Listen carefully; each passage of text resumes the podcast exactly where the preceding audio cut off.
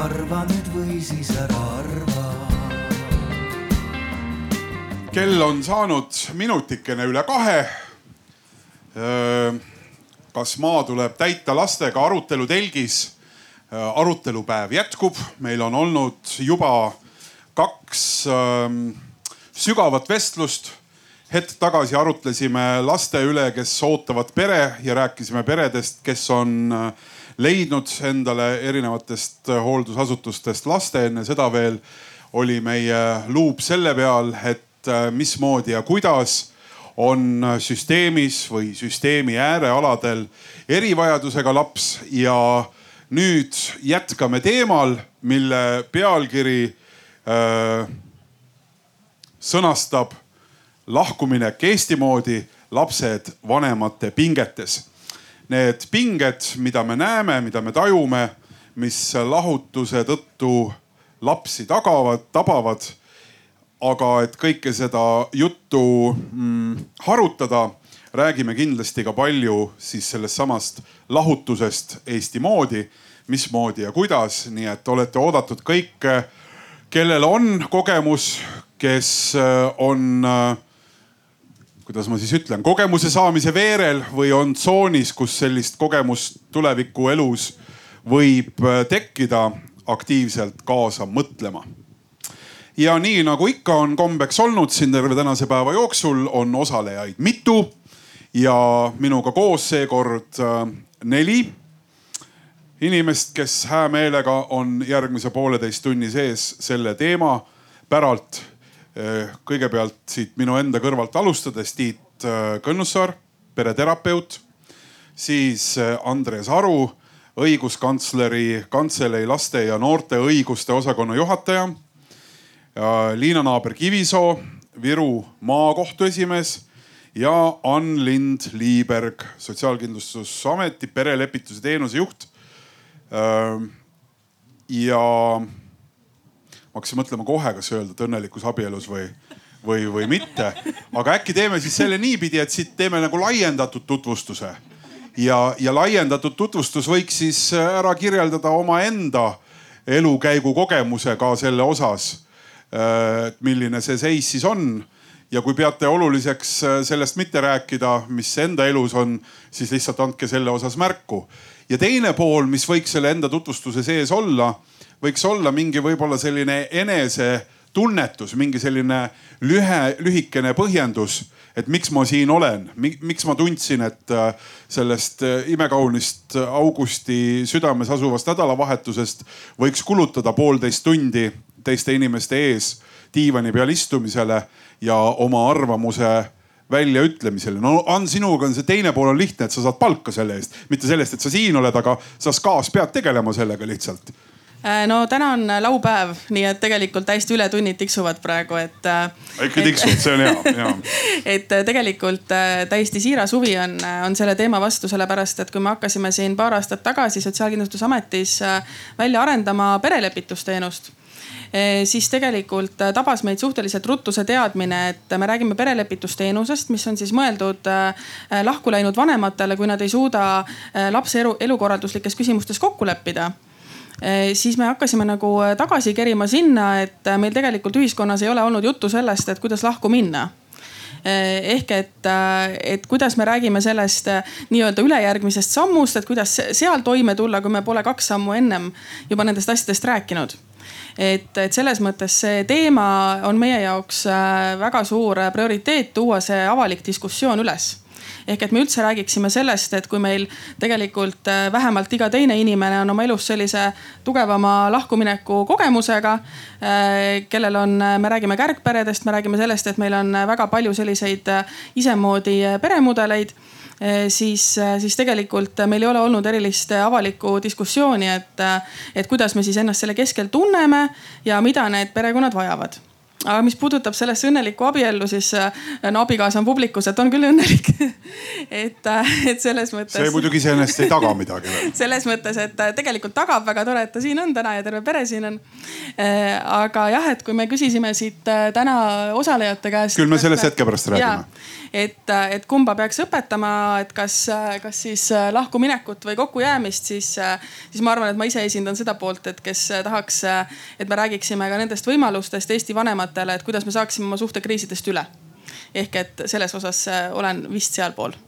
väga tore on, aitäh sulle, Liina jah, pikaajalises õnnelikus suhtes ei ole lahku minemas, loodetavasti. kus see koma oli nüüd aga miks ma siin olen, on see, et mina igapäevaselt tegelen nende küsimustega siis, kui siis on kõik juba nagu nii halvasti, et on kohtusse tuldud. et ma olen spetsialiseerunud alaealistele ja nendega seotud tsiviilprobleemidele, et siis peamiselt hooldusõigused ja, ja siis ka natuke tegelen elatistega, nii et, et miks ma siin olen, ongi, et see diskussioon on hästi oluline ja eriti selle uue perelepitusseaduse valguses, mis loodetavasti toob kohtutele palju palju leevendust, et need mured äkki lähevad sinna, kus nad peaksid lahenduse saama ja meie ei peaks äh, psühholoogi teenust pakkuma. Andres mina olen ka õnnelikus abielus ja, ja ma loodan, et, et nii jääbki jah, vähemalt ma püüan endast oleneva teha, et see nii jääks. et ei oleks põhjust sellest lahutusest rääkida. aga mina töötan laste ja noorte õiguste valdkonnas ja oma töös puutume tihti kokku selliste lastega, kelle vanemad siis ei ole saanud kokkuleppele, kas siis suhtlusõiguses või hooldusõiguses või selles, kuidas last ülal pidada, kui suhe on purunenud ja noh, mina näen väga palju seda, mida see lastele teeb. kuidas see lastele mõjub, kui vanemad omavahel äh, niimoodi tülitsevad ja, ja kui on tõsine konflikt. ja selle jaoks ma siia tulin, et äh, kui äh, mõnele inimesele on sellest äh, mõttevahetusest siin abi, et, et mõni kooselu puruneks või, või, või lahkuminek toimuks sõbralikumalt, nii et lapsed ei saaks nii palju haiget, et siis oleks juba väga hästi. Tiit mina olen olnud õnnelikus abielus, siis ma olen läinud lahku ja nüüd ma olen jälle õnnelikus abielus.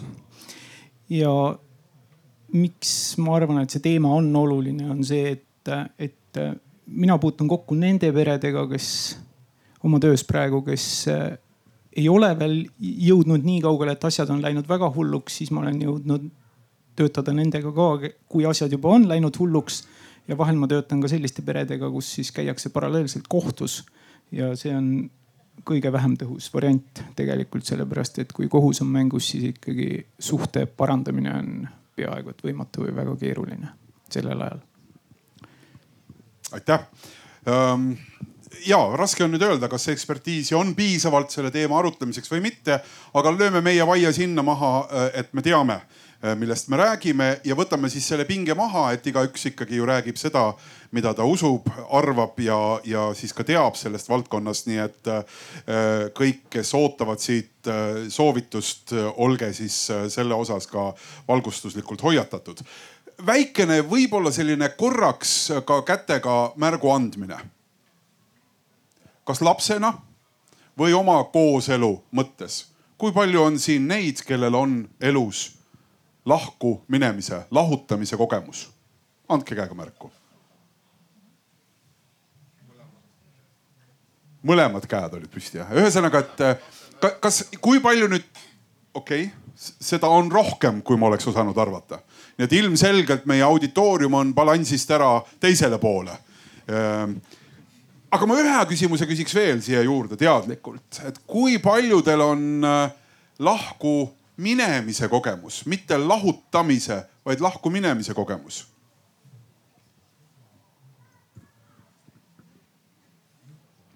ma oleks mõelnud, Tiit, et siin võiks tõusta enamus käed. ses mõttes, et kõigil meil on elus tulnud millestki või kellestki minna lahku? jah, nii töökohavahetus kui sõprade juurest teise linna kolimine või ma ei tea, mida kõike siin võib mõelda, et neid kogemusi, ma arvan, on palju ja, ja noh, kui vaadata nüüd nagu sellise eh, ma ei teagi, kas psühholoogi pilguga, aga et, et tegelikult kogemus, kuidas lahku minna, et eh, seda on ka võimalik õppida, et kuidas seda teha paremini ehk minu selle nagu katse väike mõte on ka see, et me näeme seda asja üsna ka kitsalt, et me näeme seda väga sageli just sellise kooselu öö, kogemuse kaudu või kooselu teadmise kaudu. mistõttu ma üldse alustaksin natukene, et kuidas teie näete, head nii-öelda panelistid, arvajad, mõtlejad siin, mis asi on lahkuminek ja nüüd ma mõtlen päriselt seda, mida me siin kirjutame, lahkuminek Eesti moodi. mis see on? Mis, mis selle sees siis on see, mida te peate oluliseks sõnastada? Ann, hakkame sinust pihta äkki. Äh, no mina kui äh, lastekaitse valdkonna esindaja terve oma äh, töö, tööelu jooksul ikkagi eelkõige näen fookuses neid lahkuminekuid, kus on ka lapsed ehk et kui Tiit siin just jagas, et, et lahkuminek elukohast või, või, või sõpradest. et siis no minu jaoks on hüüumärkidega fookuses kindlasti need äh, lahkuminekud, mis mõjutavad kedagi veel peale lahkumineja endi ehk et, et kui isegi lahkuminekul sõpradest, et meil on see kaks osapoolt, on need sõbrad, kes maha jäid, mina, kes ära läksin. aga ma ikkagi vastutan nii-öelda enda heaolu eest ainult. Aga kui ma lähen lahku lapsevanemana, siis ma ju vastutan ka nende laste heaolu eest ehk et minu, minu fookus on seal. et see on, see on see prioriteet hetkel mm. -hmm. aga kui sa nii-öelda distantseerid ennast selle töö seisukoha pealt natukene ja mõtled inimesena, kes käib tööl, aga, aga kellel on veel muu elu ka. et mis teemad sa veel lahkuminemise juures nagu mängu tooksid, mida sa ise oled, on näinud sõprade-tuttavate peal, lähedaste peal et sa mõtled seda, et mis, mis tekitab takistusi või raskusi või, või ka head jalga? mis see lahkuminek üldse on? Äh, ma arvan, et äh, äh, lahkuminek on harjumuspärase lõpetamine äh,. ja me näeme seda hästi palju sellises, sellises nagu, nagu, nagu äraminemise, minemise fookuses, et äh, ma olin see, aga ma liigun siit ära aga, aga, aga mulle viimasel ajal on väga hakanud meeldima ikkagi see mõte, et, eh, et tegelikult see lahkuminek on nagu üleshüppamine või, või nagu millegi eh, uuega alustamine. ehk et tegelikult ta ei ole mitte selle ühe, ühe teekonna lõpp, vaid ta tegelikult juba sellest hetkest, kui lahkumineku otsus on vastu võetud, sealt edasi on ta tegelikult juba see uus algus Andres? ja no tööalaselt ma muidugi puutun ka kokku nende lahkuminekutega, kus on äh, peres ka laps, et see on see meie fookus. teised isik... jutud sinuni ei jõua? Äh, teised jutud jõuavad ka, aga, aga neid ei pea mina lahendama. Äh, aga üks lahkuminek, mida ma ka isiklikult olen näinud, on see, et kui lapsed lahkuvad oma vanemate kodust, saavad iseseisvaks ja alustavad nii-öelda iseseisvat elu ja selline lahkuminek võib olla vanemate jaoks äh, väga keeruline. et see võib olla täiesti võrreldav sellise noh, nagu kooselu purunemisega. see on su enda kogemus? no ma olen seda näinud jah, nii enda kodus oma vanemate pealt kui ka, kui ka teisi tähele pannud. Liina, kui palju neid äh, lahutusasju on kohtus äh, olnud, kus sa oled pidanud tegema otsuse? lahutusi kui selliseid päris mitu aga lahutus on äh, ainult üks osa sellest lahku minemisest. lahutus on kõige lihtsam osa, see kohtuotsuse mõttes. aga siis kõik see, mis sellega kaasneb, ühisvara jagamine, laste hooldusõigus, äh, tervenemine sellest protsessist, see on see, kus asjad keeruliseks lähevad nii et äh, aga meil kohtus üldiselt ikkagi päris palju, sest tihtipeale inimesed arvavad, et hoides kinni sellest nagu paberist nii-öelda, mis ütleb, et ma olen abielus, siis need muud probleemid nagu jäävad tulemata, et siis ühisvara jääb jagamata, siis laste hooldusõiguse üle ei pea kaklema, siis elatist ei pea maksma. aga tegelikult see hoopis äh, võib nagu probleeme juurde tekitada. ma ei tea, kas ma loodan, et juristid ka ikkagi ju mõtlevad nagu või noh, tunnevad nende asjade osas, et kuidas sina tajud, et mis see lahkuminek on, milliseid, mis probleemi sa seal siis lahendad? mis see nagu sündmus on? lahkuminek kui selline üldises mõttes on muutus, harjus, harjumuspärase elu muutus. Need probleemid, mis sinna juurde tulevad, on siis need, äh, mida me siis muutma hakkame.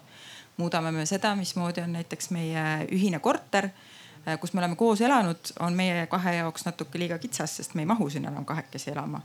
muutus on see, et need ühised lapsed, kellega me igal pühapäeval koos pannkooke sööme, me ei suuda selle laua taga olla. me peame välja mõtlema, kuidas me nüüd eraldi neid pannkooke hakkame sööma kui anda ju see, et lahutus võib olla algus, et see on isegi nagu üleshüpe, järgmisse minek. kas sinu jaoks on see lõpetamine või siis nende inimeste jaoks uue alustamine? mõlemat.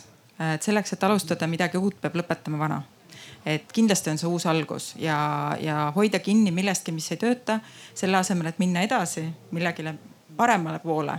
aga, aga selleks parema saamiseks peab lõpetama vana ära mm. -hmm. Tiit, sinule ka see küsimus, mis sinu jaoks paari suhtes see siis on, mida me nimetame nagu lahkuminekuks, lahutuseks? ja ma olen ka Liinaga hästi nõus, et, et see vana asja ära lõpetamine on tegelikult väga oluline ja see protsess algab sellest hetkest, kui mul, kui ma noh teadvustan, vahel isegi ei teadvusta, tekib see muutuse vajadus.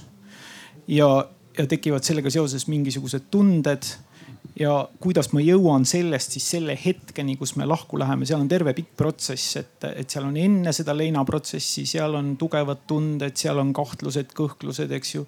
siis ühel hetkel, kui sa selle otsuseni jõuad, siis sa, siis toimub see lahkuminek ja siis algab uus protsess ja, ja see ei ole ka veel mitte ainult see, et ma ehitan üles selle uue asja või vaatan nagu optimistlikult tulevikku, vaid see on tegelikult äh, päris suur osa sellest on ikkagi jällegi need kahtlused ja see leinaprotsess, et, et mis siis tegelikult oli, mis minuga juhtus, kuidas see niimoodi läks, kuidas ma kõige paremate kavatsustega tegin asju, mis jõudsid siia välja, kuhu nad jõudsid ja nii edasi ja nii edasi ja, ja sellest tegelikult sellest teadlikkusest sõltub uue suhte kvaliteet paljuski, et kui palju ma oskan siis nagu ette näha seda kõike see esimene küsimus, selle põhjus oli ju väga lihtne, et näha, kui erinevalt me tajume seda küsimust. Ja me, ja me mõtlesime siin noh, üks algusena, teine lõpu ja algusena ja nii edasi, et see, et see kindlasti ei ole ka lihtne küsimus. Ja kui me hakkaksime siit inimeste enda lahkumineku lugu uurima, siis tõenäoliselt me saame nagu väga-väga erinevad kirjeldused kõigele sellele. aga ikkagi, te olete täna siin sellepärast, et, et me julgeme oletada, et teie sees on mingi selline arusaamine, mis iseloomustab lahkuminekut Eesti moodi. mis täna on nagu see, mille te julgeksite külge panna Eestis juhtuvale lahutusele? hakkame kohtust pihta kohe. Äh, vot siin on see, et ma ikka päris terve Eesti eest sõna nüüd ei saaks võtta ei, ei enda tunnetus, et enda tunnetus. mis see Eesti kohta võiks olla mina, iseloomulik? mina näen äh, seda protsenti, kes tulevad kohtusse oma muredega ja ma täpselt statistikat ei tea, et äh, äkki on. Ann, kas sa tead, kui palju Eesti tead? Äh, lahutuslugudest käib kohtu kaudu no neid on, on igal aastal on kolm-nelisada lugu, aga kui siia nüüd panna juurde ka veel elatisvaidlused, siis seal tuleb juba paar tuhat, et äh, iga aasta uut lugu siis. ehk et... igal aastal paar tuhat vaidlust jõuab kohtusse või mingis mõttes instantsidesse kuskile. aga vot siin on, ongi see, et kohtus tegelikult see, see, kui see lahutus on, see kohtus ei ole lugu väga pikk, sest seal on, ega seal pole midagi teha, kaks inimest tulevad, kui me selle eh, nii-öelda vastu põtkiva poole ühel hetkel kätte saame, siis noh, see lahutus tuleb. me kedagi kinni ei hoia. ja, ja erinevad kohtud või kohtunikud annavad erineva leppimisaja, mis seaduses on ette nähtud. aga, aga ühel hetkel see lahutus tuleb, aga lugu tuleb siis, kui me nende tagajärgedega hakkame tegelema. ja, ja siis see lugu on see väga tihti, et lapsi kasutatakse ära relvana, et oma õigusi siis äh, nii-öelda või oma valu läbi elada, oma, oma õigusi nagu kunstlikult nii-öelda tagada. võimendada. võimendada just ja, ja siis me näeme seda, kuidas tegelikult lapsed on relv. see on see, mida mina näen Eesti siis äh, lahutusloona jah, äh, meie oleme enda jaoks siis äh, Sotsiaalkindlustusametis ja, ja lastekaitse valdkonnas kirjeldanud seda sihtgruppi niiviisi, et, et tegelikult see Äh, see kaks tuhat juhtumit aastas arv on äh, koos nende aastast aastasse üle kanduvate juhtumitega pigem kolm tuhat. Et, äh, et see on nüüd need, need lood, mis tõesti jõuavad kohtusse, aga me oleme alati ka enda jaoks mõelnud, et kohtusse jõuab ikkagi jäämäe tipp, et see tähendab seda, et kas kas inimese teadmine sellest esmasest pöördumisest on see, et ikkagi kohus on üks hea koht, kuhu minna või siis on ta kõik muud siis sellised alternatiivid läbi proovinud. ehk et tegelikult see on küll täiesti minu isiklik hinnang, aga, aga mina arvan, et, et meil selliste probleemidega, et me ei suuda oma asju pärast lahkuminekut ära jagada, on ikkagi, me räägime pigem mingisugusest kümnest tuhandest inimesest aastas sellepärast või juhtumist aastas, mitte, mitte siis tähendab juhtum ehk et nagu siis kaks kaaslast, kellel on lapsed, on ju et, et, et selles mõttes äh, meil statistikat äh, leida on tegelikult ka sellele väga raske. sest et äh, kuidas sa vaatad sinna inimese lahkumineku sisse ja ütled, et kus kohas nüüd siis, kus levelil sa oled et tegelikult äh, seal on ju äh, väga palju osapooli veel, et meil on äh, kõik terapeudid, koolipsühholoogid, sotsiaalpedagoogid, kes tegelevad laste kaudu nende peredega. meil on õpetajad, lasteaiaõpetajad seotud, lastekaitsetöötajad seotud. et selles mõttes samamoodi ka näiteks advokaadid, kelle poole pöördutakse, aga ei jõuta selle nõustamise käigus, eks ole, kohtuni et, et selles mõttes, et, et jah, see kohtustatistika on hea, millele me saame nagu tugineda, aga, aga see ei ole tegelikult piisav. ehk et tegelikult seda andmestikku, äh, kes ja kui palju seda äh, toetust ja teadmist vajab, et seda me tegelikult peaksime alles hakkama riigis leidma. ja seda enam, et eks ju suur osa ju suhetest ei ole tänapäeval kusagil statistikas, nad ei olegi formaliseeritud, eks ju, nad ei, need toimuvadki inimeste vahel, et, et kui nad saavad omavahel hästi lahku mindud, siis me ei tea sellest midagi, et, et ikkagi silma paistavad need problemaatilised lood. laste nagu relvana kasutamine, see on, see tegelikult on nagu päris julm isegi väljaspool seda laste telki, kus me siin täna oleme, laste probleemide, laste küsimustega tegelevat telki. et, et Andres, kas see paistab äh, kantseleisse samamoodi? Nojah, meie juurde jõuavad ju ka ikkagi need lood, kus vanemate vahel on konflikt ja kus nad ei ole suutnud siis omavahel kokku leppida.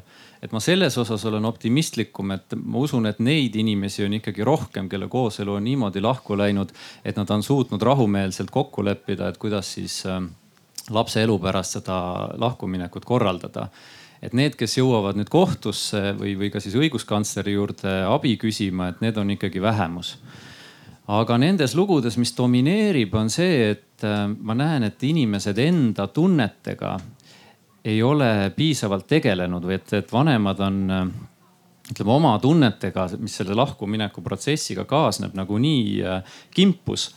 et nad ei suudagi vaadata seda olukorda lapse perspektiivist ehk lapse vaatenurgast, mis on lapse vajadused ja et see tegelikult on ju kriis ja elumuutus ka lapse jaoks, mitte ainult nende vanemate jaoks ja see, et mul nüüd see paarisuhe puruneb, eks ole, et samal ajal vanema rolli ma jään ikkagi alles ja minu noh, ülesanne on last toetada. aga last ma saan toetada ainult siis, kui ma ise olen oma emotsioonidega suutnud piisavalt tegeleda. ehk et ka see abi küsimine, kui ma jään ise oma nende tunnetega hätta et noh, see julgus abi küsida ja öeldagi, et noh, et, et ma lähen, pean spetsialistiga nõu. et lähen Tiidu juurde või mõne teise inimese juurde ja, ja arutan need küsimused läbi et kui ma ise olen tervem, siis ma saan ka paremini kokku leppida teise vanemaga. aga jah, et mida mina näen, on see, et, et inimeste tunded on väga tugevad, konflikt on väga tugev ja kui nad on juba endale advokaadi võtnud ja ka kohtusse pöördunud, siis käib ju asi võidu peale, eks. kes võidab, kelle tahe jääb peale ja kasutatakse siis iga võimalust selleks, et näidata ennast paremast küljest ja teist võimalikult halvast küljest ja mina ei tea, kuidas on võimalik üldse kohtumenetluse ajal nende samade inimestega läbi viia mingit lepitust, sest et need on kaks täiesti erinevat protsessi, eks ole. võib-olla oluline on see ka, me ju ise oma ühiskonda tajume nii, et me oleme äh, muutunud avatumaks äh,. me oleme nagu mõistame seda maailma paremini, me oleme võib-olla paremad lapsevanemad, eks ju, me anname teada äh, enamatest äh, väärkohtlemisjuhtudest kuidas asi lahutuste kontekstis on? et kas me liigume nagu suurema mõistmise poole, nii et, et me näeme, et lahutuste äh, arv kohtus väheneb, äh, kantseleisse tulevate teadete arv väheneb või on asi vastupidi? Äh, meieni jõuab siis nii lasteabi telefoni kaudu kui lastekaitsetöötajate kaudu kui ka lapsevanemate poolt otse päris palju selliseid lugusid, et me ei ole küll mingisugune kohus, aga, aga selles mõttes, et me ei, me ei, me ei ütle, et, et kes ke,, kes saab, kui palju oma lapsega koos olla ja nii edasi. aga mis on nagu selline mm, võib-olla selline silmapaistev märk, mis nagu sa Urmas ütlesid, et me tahame olla nii head lapsevanemad, et mõnes mõttes ka selline mm, võidu lapsevanem olemine või see, et noh, mina olen ilmselgelt ju meie lapsele parem lapsevanem ja, ja sina ju ilmselgelt ei saa ju temaga nädalavahetuselgi hakkama. ehk et tegelikult mõnes mõttes ka see mm, väga teadlik lapsevanemaks olemine selles osas, et ma usun, et mina olen nii palju võimekam kui mu laste teine vanem. et see mõnes mõttes annab ka isegi nagu jõudu sellele vaidlusele. ehk et tegelikult, kui oleksid need sellised äh, noh, kaks inimest, kes mõlemad võrdselt ütlevad, et oh, mina küll üksi hakkama ei saa, et mulle isiklikult tundub, et siis oleks isegi kergem neil omavahel neid kokkuleppeid teha.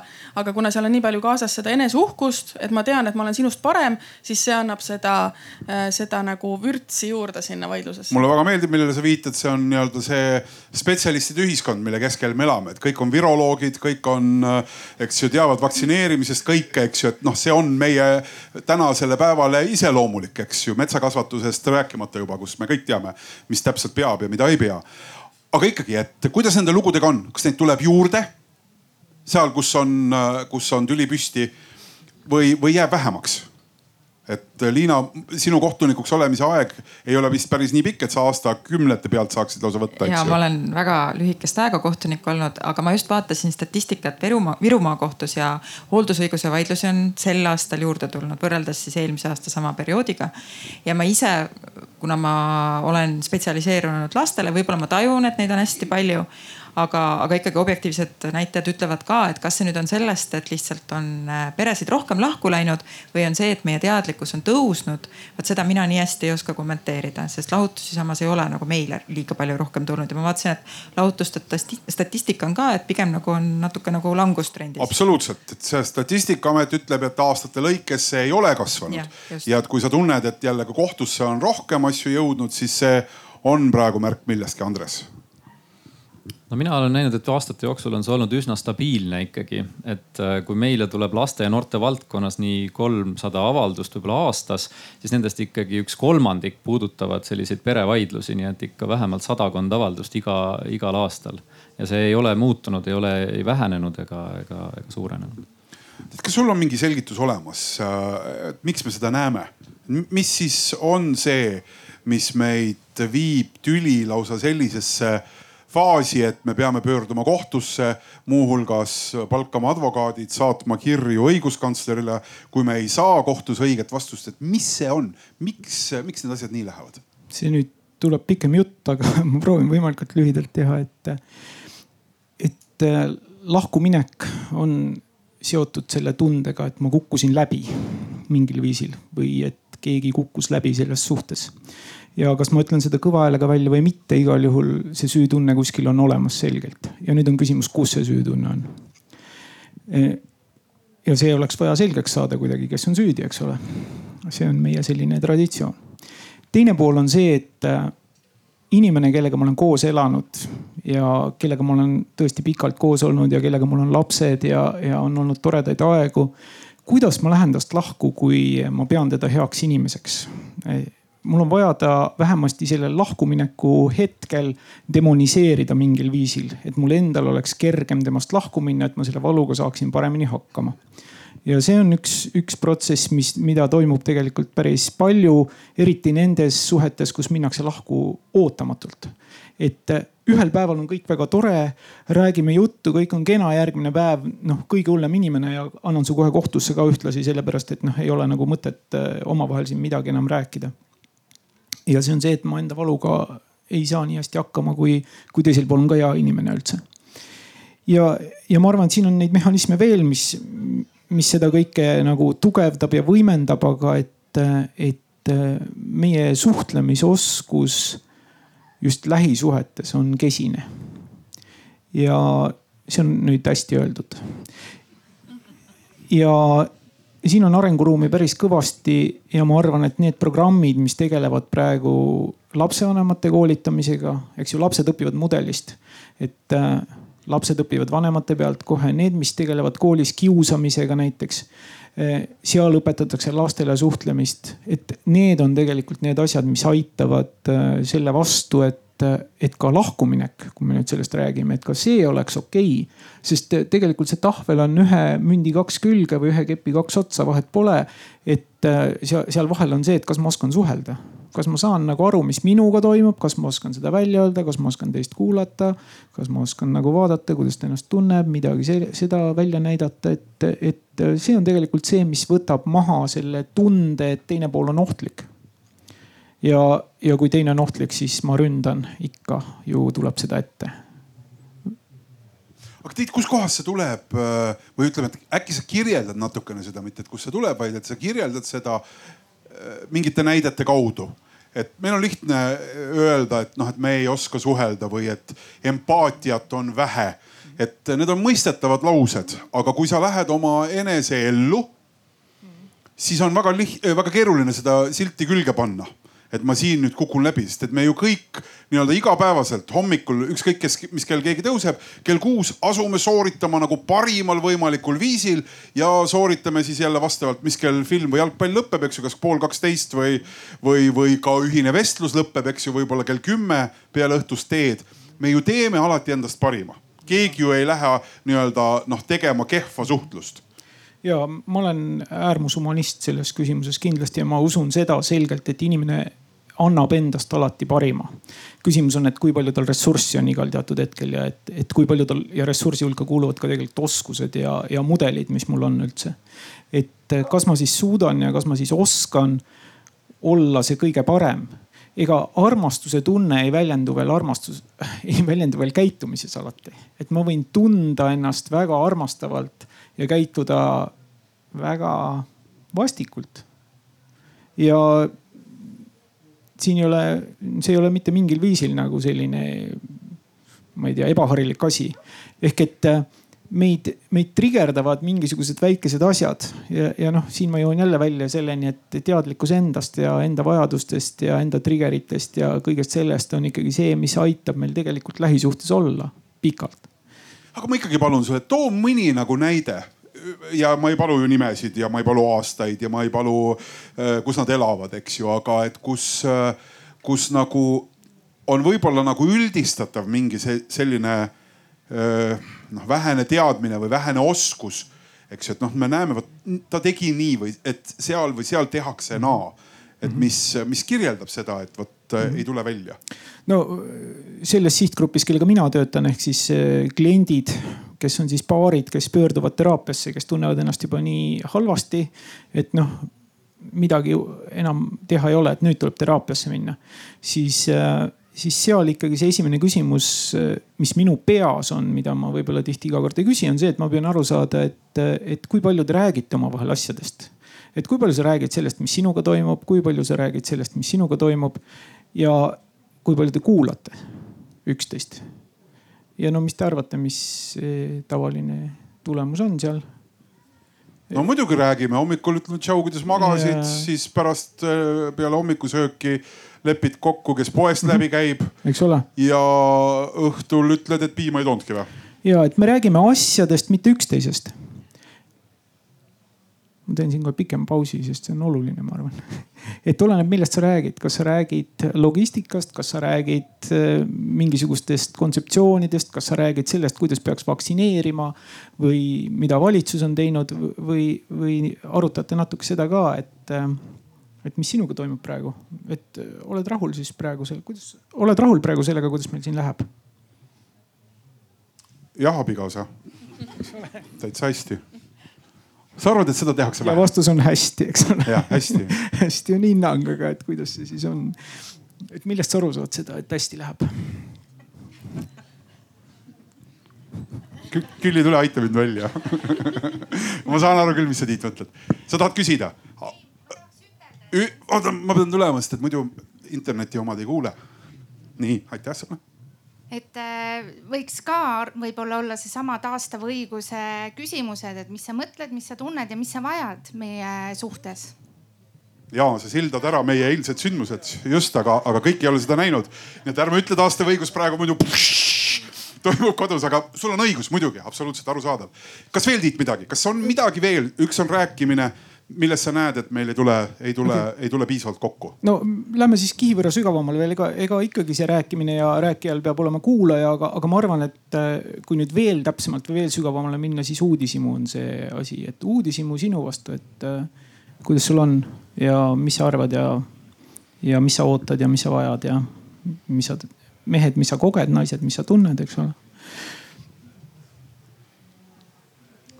sellest võiks ka rääkida kohe hetke pärast, aga jätame selle praegu sinna. Ann eh, no siin on juba, kohe tekib eh, siin Tiidu mõtte peale mitu uut, et, eh, et kas te räägite piisavalt, aga kes ja millal on meile õpetanud, et kui palju on piisavalt rääkimine.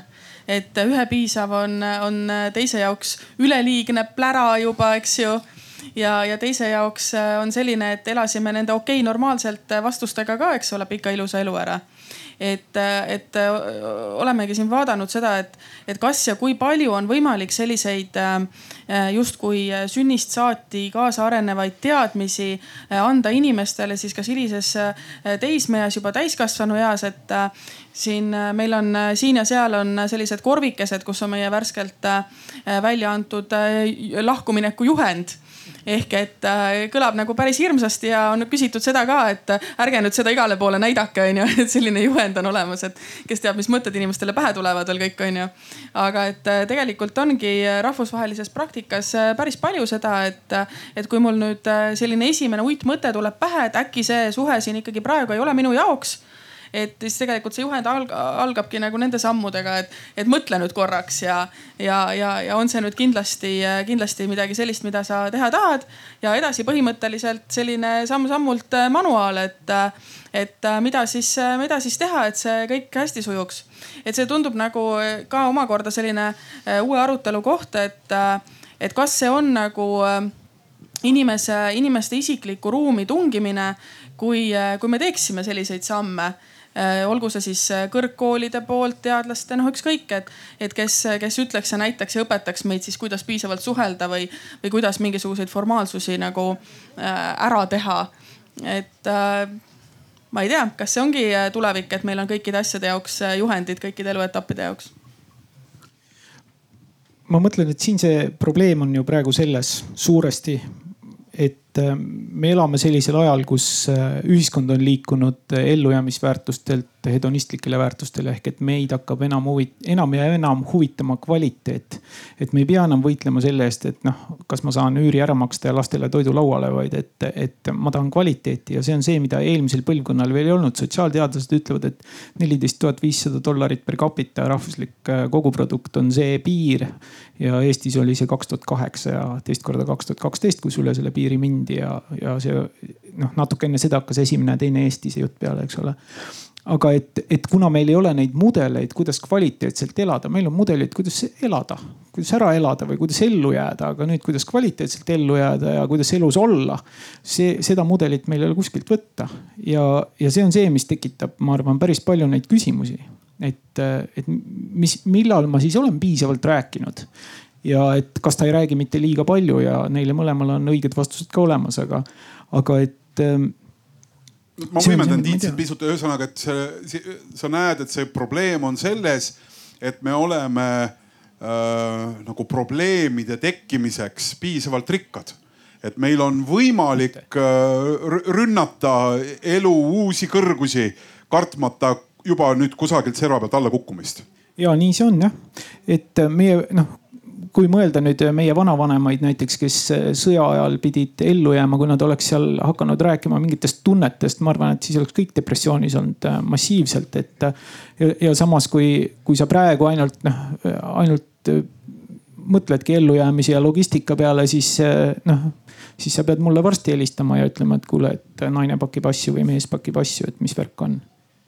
ehk siis aastal tuhat kaheksasada, ma ei tea, võtame üheksakümmend viis noh, ilmselgelt tunnetest räägiti vähem, võeti kartulit ja. tuhat üheksasada üheksakümmend viis isegi võib-olla veel. võib-olla veel võeti kartulit, eks ju sellisel kujul, aga eh, ja, ja noh, ütleme veel selle kaugemas ajas ei olnud ka ju kedagi võtta või kedagi teist tahta. kui suur roll sellel on? ilmselt samamoodi olemas. no jah, lisaks siis see, see teema, et, et kui Tõe ja õiguse filmis, eks ju või sellel ajal suri naine, siis oli talu ikka väga raskes seisus. praegu, kui, kui tekib uus suhe, siis see ei ole nagu suurem asi probleem, et Tinder on olemas ja leiame uue, on ju, mis siin siis ikka. et meil on palju väga palju avardunud võimalus üldse uusi suhteid luua ja ma arvan, et ühelt poolt on see hea, aga teiselt poolt see muudabki lahutuse väga lihtsaks ka, et ma ei pea muretsema, et tegelikult on veel kaheksa miljardit inimest peaaegu, kust valida on ju aga tegelikult, kui äh, rääkida sellest, kuidas äh, äh, võib-olla mõnes mõttes hea elujärg toodab meile seda neid uusi, uusi tegevusi, uusi ideoloogiaid, siis tegelikult ega lahkuminek on üks kallis asi et tegelikult pere eelarvesse lööb see ikka korraliku augu. et, et kui me räägime ka sellest, et me kohtus vaidleme, meil on advokaadid, kelle, kellele maksta, noh, mida paremat kvaliteeti tahame, seda rohkem maksame, eks ole siis äh, psühholoogiline tugi on ju, mida ka väga vähe siiski ikkagi suudetakse Eestis kompenseerida, et see on paljuski selline, et, et ikkagi see, see tugi tuleb minuni siis, kui, kui mul on selleks eelarveline võimekus. nii et, et tegelikult ka see, sellel otsusel lahku minna on ka oma finantsiline külg märgatav. rääkimata sellest kaks kodu, siis äh, kõik need asjad, kui üldse läbi ei saa, siis lastele kõik topeltasjad ja, ja, ja kogu see logistika sinna vahele veel. Jah, ja lapsed saavad kaks korda rohkem kingitusi sünnipäeva puhul mm. -hmm. ma tuleksin võib-olla selle Eesti spetsiifika juurde ka, et, äh, et millest see räägib või, või millest see märk on et me tajume ja, ja, ja nii nagu äh, Liina kirjeldas, et Eesti lahutuse iseloomujooneks on äh, lastega manipuleerimine või laste kaudu manipuleerimine, et äh, et räägime sellest natukene, et kas sellel, Tiit, sul on olemas mingi selgitus, et miks me seda teeme? no ei ole selgitust, on hüpoteese, aga et et seda tehakse küll päris tihti jah, ja need case'id, mis minuni jõuavad, need ikkagi tihti algavad sealt, et, et üks või teine kasutab lapsi ära millekski. ja ma ei ole kindel, et see iga kord on nii, et, et lastel on üldiselt tendents hoida nõrgema poole poole ja see ei ole mitte üldse füüsiliselt nõrgem pool, aga tihti see, kes on emotsionaalselt nõrgem pool ja kui lapsed hoiavad ju isa poole näiteks mingil põhjusel, sest isa on rohkem üksi ja, ja hädas, pidi välja kolima näiteks ja nii edasi. Ja iga kord nutavad, kui peavad ema juurde tagasi minema, sest isa jääb ju üksi ja mine tea, mis temaga võib juhtuda, onju. siis, siis on väga lihtne öelda, et noh, isa manipuleerib ja kasutab ära ja täpselt vastupidi, et, et tegelikult siin alati peab noh, tasub vaadata natuke sügavamale ja vaadata, et mis seal siis tegelikult ikkagi toimub ja kuidas see dünaamika käib aga noh, selge on ka see, et, et eks ikka, kui viha on suur, siis kiputakse ikka laste kuuldes kõva häälega rääkima ja lapsed teavad ju kõike, mida kodus tehakse ja mõeldakse, nii et äh, nii see on paraku jah. Andres jah, et on ka selliseid juhtumeid, kus see on ikkagi teadlik tegevus olnud, et, äh, et noh, oma kogu olemusega ja suhtumisega ja jutuga antakse mõista, et see teine vanem on ikkagi üks halb inimene tegelikult ja ja, ja, ja noh, et, et kui laps elab, eks ole, selle ühe vanemaga koos, kes seda teise vanema kohta sisendab et siis noh, mingi hetk laps hakkabki seda uskuma, et noh, me oleme mitut sellist juhtumit näinud, kus siis selle lahutuse hetkel kohtumenetluses on tehtud selline kohtupsühhiaatriline ekspertiis lausa, eksperdid on hinnanud nii lapse kui ka vanemate omavahelist suhet ja öelnud, et suhted on väga head mõlema vanemaga, kiindumussuhe on olemas, lähedased suhted ja nii edasi. ja mõnda aega hiljem, see võib olla siis aasta-kaks on läinud mööda ja siis laps nagu selle vanemaga, kellest ta on eraldi elanud, ei taha nagu üldse enam tegemist teha. ja siis tekibki küsimus, et noh, et kuidas see suhe on saanud siis nüüd nii järsku noh, kardinaalselt muutuda kui see laps ei ole selle vanemaga tegelikult väga suheldagi saanud. ehk et see hoiak sellesse vanemasse on tegelikult teise vanema poolt ikkagi kujundatud.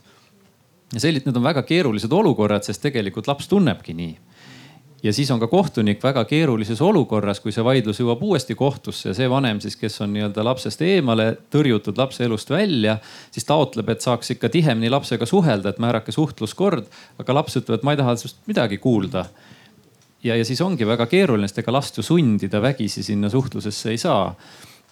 See on nüüd see koht, kus siis tulevad, eks ole, mängu spetsialistid, kes siis peavad aitama seda last tasapisi taastada, seda suhet. aga lõhkuda seda suhet on ikka oluliselt lihtsam kui taastada. ma arvan, ma arvan ka, et see on hästi oluline teema, et kuidas seda siis nagu saada või ära lahendada nii, et laps ei vihkaks oma teist vanemat. et tal on olulised mõlemad vanemad, muidu täiskasvanud peast tuleb ikka päris palju teraapias käia. aga et, et siin on ka väga palju noh asju, mis mis jälle moonutavad seda pilti ja ma tegelikult ei tea üldse, kui palju selliseid case'e on, kus on noh, tõesti karm ärakasutamine ja teadlik manipuleerimine, sellepärast et, et noh, kas need on üksikud juhtumid, mis torkavad väga valusasti või on see nagu pidev praktika et...? Liina, sina selle üldistuse tegid, et kuidas sulle tundub? nagu üldistus selles osas, et need on see, see on see tendents, mis välja paistab, aga, aga seal ka võib-olla see, et kohus aina rohkem ja rohkem tajub seda võõrandumise olulisust.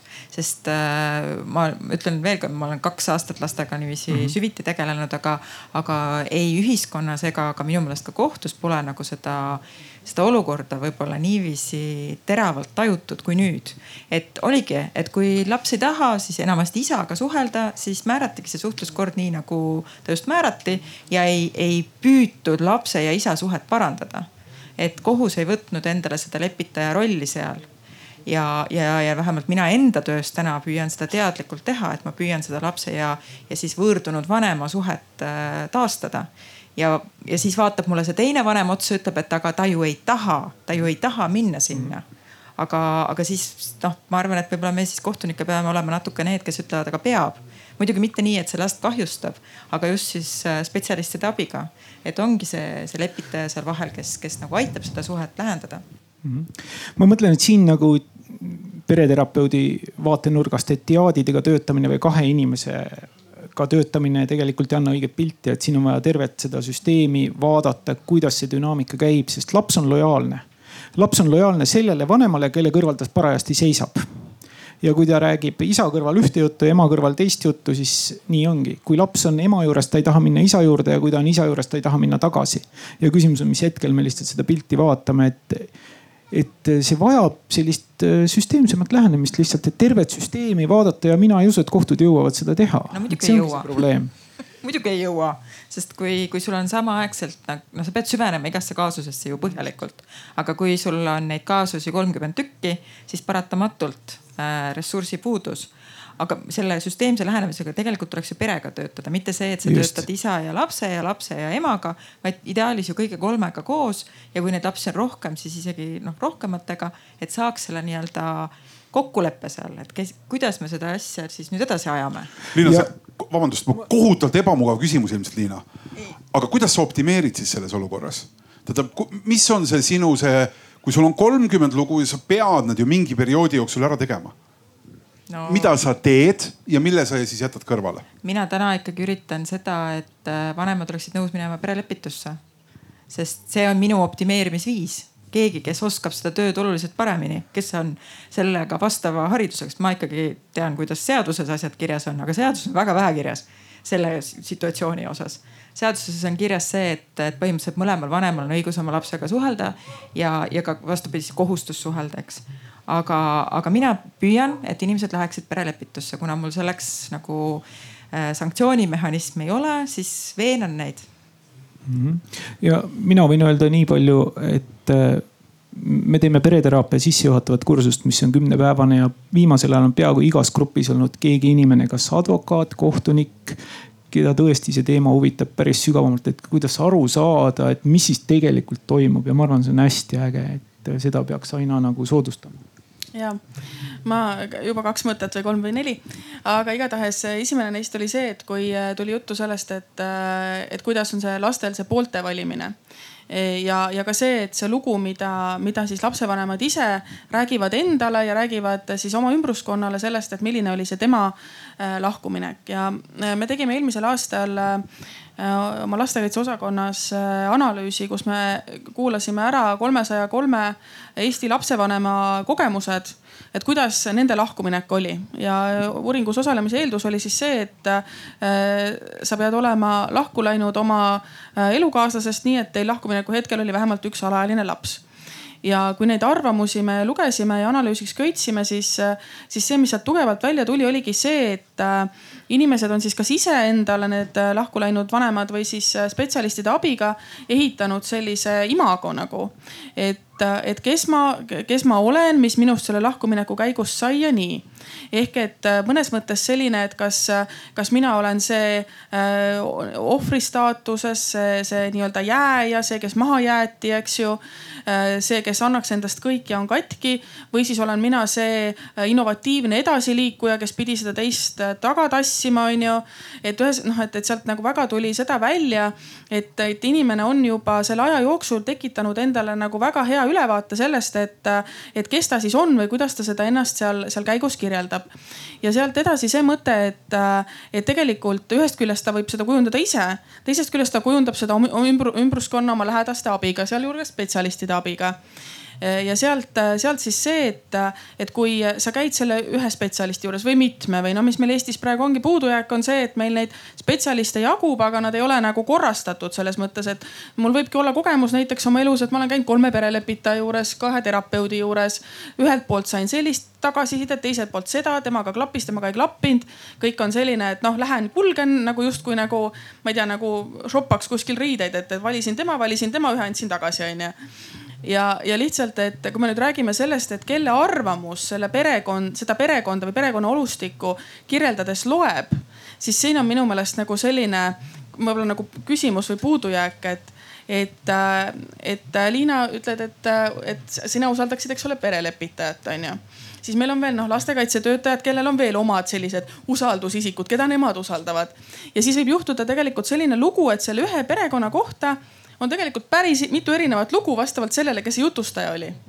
ja, ja siis, ja siis kuidagi sealt nagu leida see, et, et kas meil on siis üldse mingi tõde siin või? see on täpselt nagu, et isa kohtub äh, psühholoogi ja lapsega, saab arvamuse, ema läheb, võtab teise arvamuse risti vastupidi.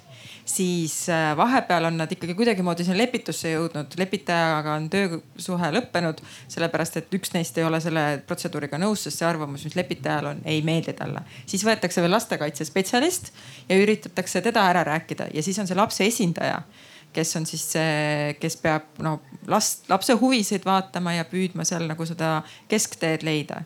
ja siis kohtunik võtab kõik need asjad ette ja teeb selle kõige parema otsuse ja vahepeal jõutakse kaevata kõikide nende spetsialistide peale veel õiguskantslerile, sest et need spetsialistid on kõik ebapädevad ja erapoolikud.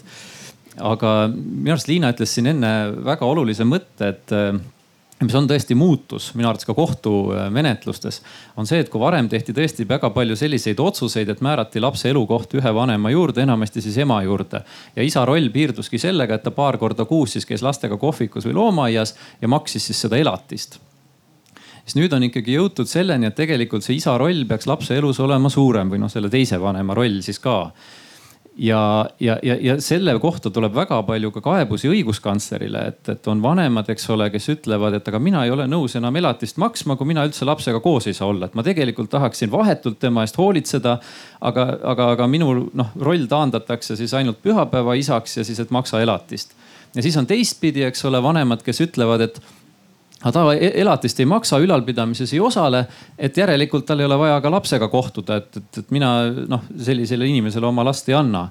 ehk et see näitab, et tegelikult mõlemad vanemad tahaksid noh, ütleme võrdsemat rolli lapse elus, suuremat rolli ja, ja noh, see pühapäeva isa nii-öelda ju tegelikult ei ole vanem selle, selle noh, sõna otseses mõttes ta tegelikult kasvatusprotsessis ei osale. lapse igapäevaste murede-rõõmudega ta tegelikult tegeleda ei saa ja meil ongi see nihe toimunud sinna suunda, et püütakse ka kohtus leida siis sellist lahendust, kus mõlemad vanemad ikkagi saaksid lapse elus olla olulisel kohal. ja loomulikult on sellist lahendust palju keerulisem leida, sest ega noh, ühegi seaduse või riigi sunnijõuga inimsuhteid ei paranda. et nad peavad ikkagi ise selleni jõudma ja parim, mida riik saab neile pakkuda, ongi siis heade spetsialistide abi, kes aitavad vanematel ise selle kokkuleppe või elukorralduseni jõuda mis nende ja nende laste jaoks kõige parem on.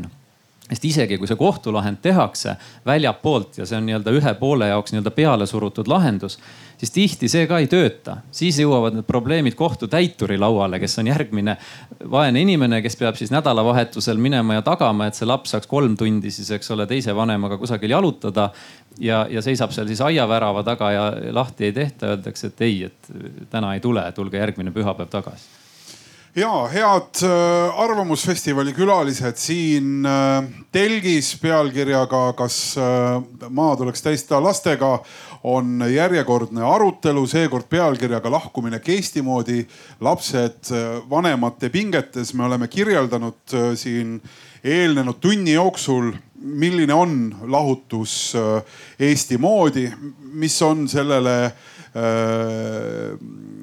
nii-öelda iseloomulik ja, ja kuidas seda Eesti lahutust äh, kirjeldada. me kohe hakkame vaatama ka siis äh, seda, milline see võiks olla ja ma ei tea, ärge võtke seda mingi soovitusena, aga, aga et kui on selline olukord või kui on selline situatsioon, mida ja kuidas teha, et see lahutus laste vaates oleks võimalikult äh, muretu. aga kõigepealt siia vaheküsimusena, Andres, saades neid äh, kirju õiguskantslerile, ma kujutan ette, saabuvate kirjade hulk on märkimisväärne e. e-kirjad ilmselt põhilised, tuleb kindlasti ka paberi peal.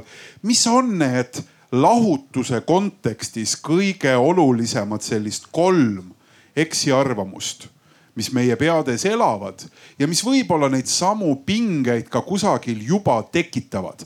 et, et me lihtsalt oleme kindlad, et on nii ja kohtudes äh, süsteemiga, eks ju, mis peab meie probleemi lahendama, tunneme me järsku, et meile tehakse liiga. lihtsalt emotsioon tekib seetõttu, et me teame valesti eks ju, et see on umbes nii, et ma tean, et äh, Tallinnast troll number neli peab sõitma, äh, eks ju, Balti jaama, aga, aga ei sõida, et sõidab hoopis, ma ei tea, Estonia ette, eks, et trolliga sõit toimub, aga hoopis valesse kohta. mis need kolm kõige levinumat eksiarvamust on? Need on seotud ikkagi vanemate õigustega ja sellega, et tegelikult on vanematel võrdsed õigused, võrdne kohustus ja, ja ka võrdne vastutus lapse ees. ehk et siis äh, tihti on inimene, noh enamasti ema, kes on jäänud lapsega siis koos elama peale lahkuminekut. ta arvab, et tal on õigus siis üksinda osu, otsustada ka näiteks lapse kooli, lapse lasteaia ja, ja muude selliste asjade üle et tegelikult see nii ei ole, et pärast kooselu on vanematel samamoodi ikkagi ühine hooldusõigus ja lapse jaoks olulisi küsimusi tuleb otsustada ühiselt ja neid olukordi on ette tulnud, kus näiteks koolivahetuse üle tekib vaidlus ja kui üks vanem ei ole sellega nõus, siis tegelikult lapse kooli eh, vahetada ei saa. sama on ka elukoha muutusega et tegelikult need küsimused tuleks ikkagi lahendada enne ära, kui algab see nii-öelda kooli registreerimise noh, ütleme see viimane tähtaeg kukub ja, ja et siis on küll noh, vale aeg hakata seda, seda küsimust lahendama. siis äh, sellega seotud teine eksiarvamus on see, äh, et alati on vaja mõlema vanema nii-öelda äh, nõusolekut, äh, et nad tulevad kohale ja mõlemad siis väljendavad seda, et jah, et, et vot meie lapse seadusliku esindajana leiame niimoodi, et tegelikult on nii, et nii kool, arst äh, kui ka kõik teised võivad eeldada, et kui tuleb üks vanem, et siis ta on teise vanemaga selle kokku leppinud ja võib tugineda selle ühe vanema siis arvamusele, tema e-, nii-öelda esindab last üksinda.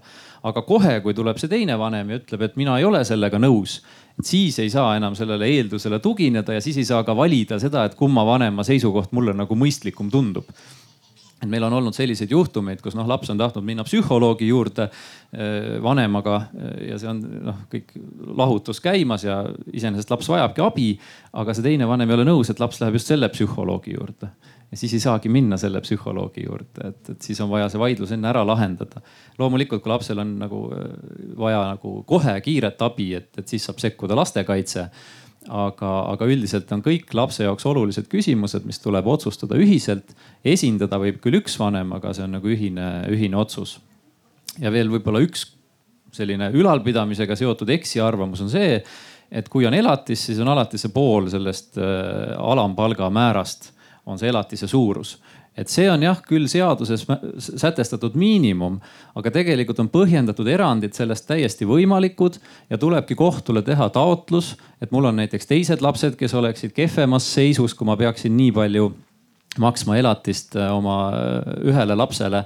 Ja seetõttu võib kohus vähendada seda summat, nii et laste vahel oleks siis nii-öelda õiglaselt jagatud see ülalpidamine ja, ja samamoodi on võimalik seda ka suurendada, kui lapse vajadused on olnud suuremad, et see ei ole nagu üks summa kõigile, et see ei ole nagu riiklik toetus, mida makstakse kõigile ühepalju vaid elatise mõte on ikkagi tagada lapsele võimalikult äh, sarnane elu, mis oli enne, enne seda lahkuminekut, ehk see sõltub siis sellest pere elustandardist. et võib-olla need näited. kas sinul, Liina, on ka mingi selline kogemus, mida kohtus ikka ja ikka, et sina istud seal Eesti Vabariigi vapi poole seljaga ja ka need, kes on seal vabariigi vapi poole näoga, et äh, nendele ikka ja uuesti tuleb nagu üle rääkida, et mis on see selline äh, noh, võib-olla nagu baas valearvamus, mis sinna kohtusaali jõuab. et lapsi kasvatada võivad ainult emad. et isade õigused, et äh, isade õigused, kõigepealt see, et isadele endale meelde tuletada, et neil on õigused. et see, et kui nad seal õnnetukesed kohtus on, et, äh, et ka tegelikult neile öelda, et, et teil ongi õigus oma last näha ja mitte ainult õigus, vaid ka kohustus, sellepärast et teie lapsel on õigus teada, et teie olete tema isa ja, ja see noh, õnneks on äh, aina rohkem ja rohkem ikkagi isad ise oma õiguste eest väljas. Aga, aga kohus ei tee otsust automaatselt tema kasuks. kohus vaatab lapse huvisid ja, ja vaatab seda, mis on lapsele kõige parem, püüdes nagu võimalikult palju ikkagi mõlema vanema õigusi või võimalusi temaga suhtlemiseks tagada ja siis see, mis Andres välja tõi, et see kakssada üheksakümmend kaks, see maagiline elatise summa et meil Ida-Virumaal väga harva saab nii palju raha välja mõista, sest see lihtsalt ei ole võimalik, kui inimesel on miinimumpalk ja kolm last.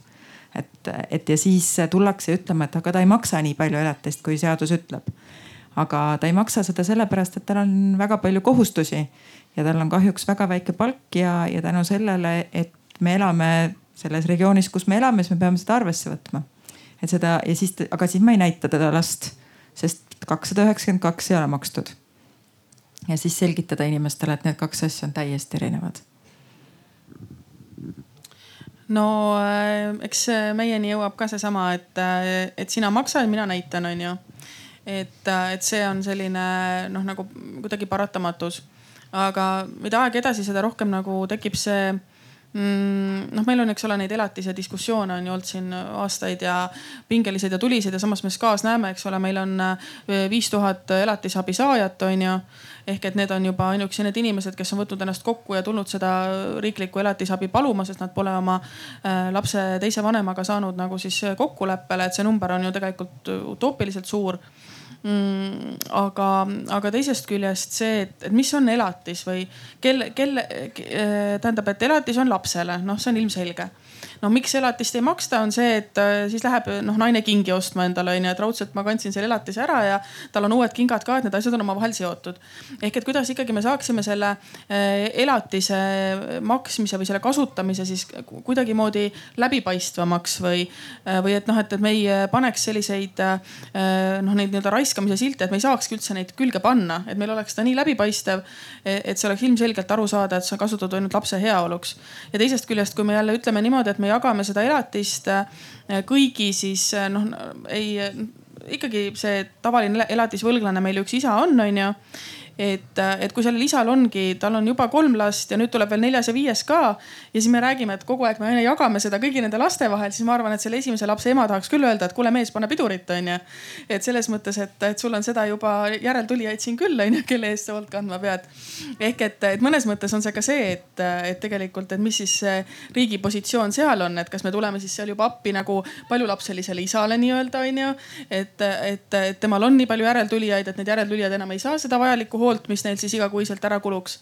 et, et mulle tundub, et siin annaks veel nii ühte kui teist mõtestada selle elatise osas äkki Tiit, sina ka siis, et mis see, noh, siin me rääkisime praegu sellisest seaduse sätte mittetundmisest, aga, aga et äkki sa tooksid nagu nii-öelda inimeste endi mingeid selliseid baasvääruskumusi välja, mis tegelikult noh, elavad kusagil sügaval, aga tegelikult on nagu sellised Äh, noh hapuks keeravad bakterid, et mis ei aita mitte paremaks, vaid hoopis halvemaks mm. -hmm.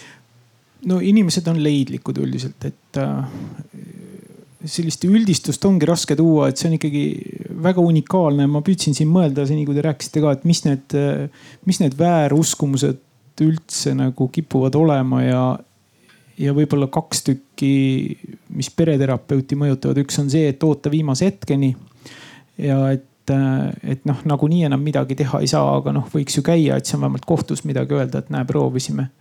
ja teine on see, et teine on vaenulik. ja pereteraapias terapeutidele õpetatakse sellist ütlemist, et kui sa ei saa seda, mida sa tahad, siis vaata, kuidas sa selle andmise keeruliseks teed.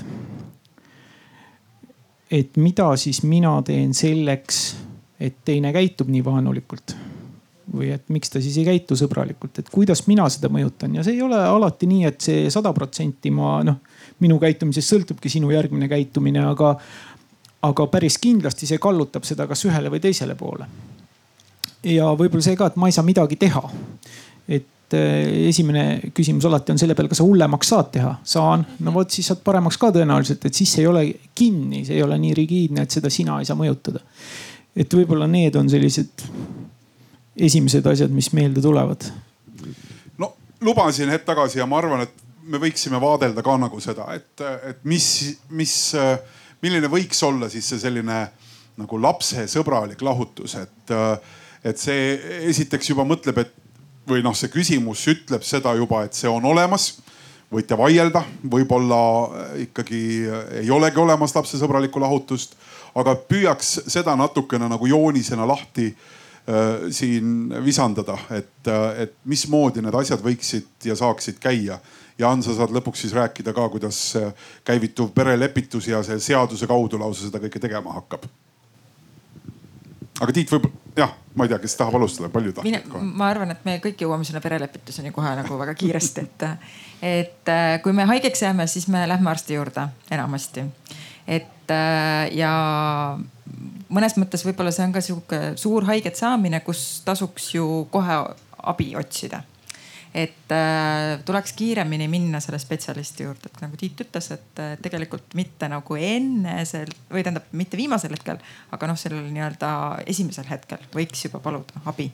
et autode kasutajad on selle ära õppinud, et, et hoolduses tasub käia ka siis, kui pole juba midagi täitsa puruks. ja ma arvan, et teraapia suhtes see kehtib ka, see ei ole üldse hirmus. päriselt ka meil on. sa mõtled vahel... hooldus? ja hooldus ja vahel on päris lõbus. E, ega see teraapia ka liiga hirmus ei ole. et e, ma käin iga päev ja midagi ei ole hullu aga, aga siin on nihuke praktiline osa, et e, kahjuks väga paljudel meie riigis ei ole seda raha, et, et lubada seda hooldust. ja, ja siin ongi nüüd see riigi poolt välja töötatav süsteem, mis, mis meil aitab seda hooldust saada. Ja perearstifond siiamaani töötab ehk perearst mõnikord ikkagi saadab? perearst saab saata ja vist viis korra, viis seanssi, kui ma õigesti mäletan, midagi sellist. oma nimistu peale aasta kohta? inimese peale vist, aga Ikka küsige inimene. perearstide käest, mina tõesti ei ole kompetentne ja tegelikult see, kuhu äh, liikuda tahaks, on see, et kui me nüüd äh, järgmisest aastast äh, tahaksime pakkuda ja juba tegelikult pilootprojekti korras pakume riiklikku perelepitusteenust perelepitus siis, kes ei tea, ei ole seotud mitte kuidagimoodi äh, leppimisega, vaid leppeni, kokkuleppeni jõudmisega lapse kasvatuslikes küsimustes nii et, et selles osas võite juba hakata Sotsiaalkindlustusameti poole pöörduma ja soovitada seda kõikidele oma lahkumineku eel olevatele sõpradele-tuttavatele ka.